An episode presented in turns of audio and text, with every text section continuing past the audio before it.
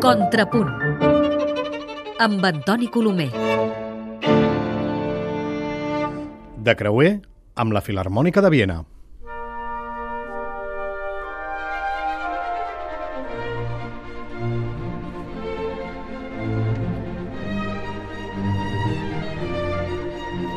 Ara fa uns quants anys, no puc recordar exactament quants, la Filarmònica de Viena va visitar Barcelona, concretament l'Auditori, acompanyada pel mediàtic Lang Lang i l'hiperactiu Zubin Mehta. Va ser amb motiu d'un creuer que realitzen periòdicament els músics de la gran orquestra austríaca acompanyats dels seus fans, molts d'ells japonesos, que deuen pagar veritables fortunes.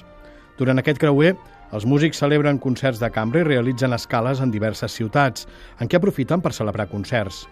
Aquell de fa uns anys a l'auditori el recordo més per les pells rosades dels assistents i l'olor de crema hidratant que desprenia la sala que no pas per l'experiència musical. Tot i això, sempre és un plaer escoltar la Filarmònica de Viena i ara n'hem pogut tornar a gaudir al Palau de la Música en les mateixes circumstàncies.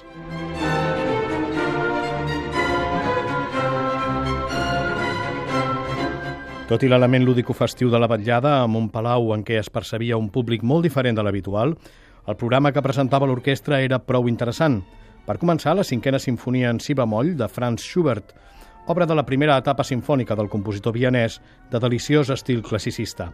Una obra ideal pel so ballotat i l'esperit vienès per a una orquestra que va afrontar tot el programa sense director, però sota l'atenta concertació del concertino Rainer Honeck. Una de les coses que més admiren d'aquesta orquestra, probablement la més famosa del món, és la precisió del conjunt i el so insuperable de les cordes. Si afegim a això l'articulació perfecta i el meravellós equilibri entre els diversos plans sonors, entenem el perquè del seu prestigi. Va ser una interpretació lleugera i delicada, amb un profund esperit cambrístic.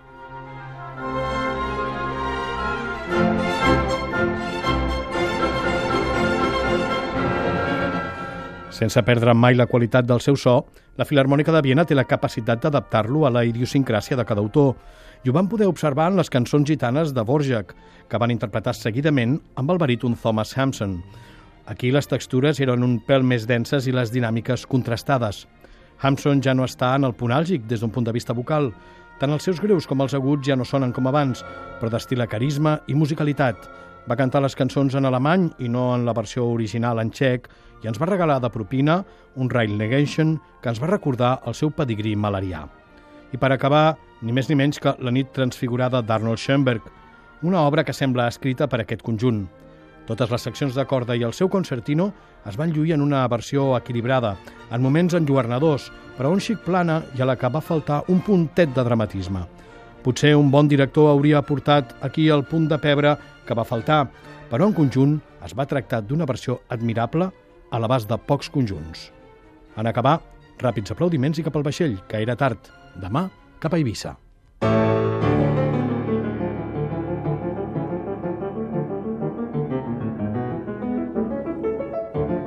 Contrapunt amb Antoni Colomer.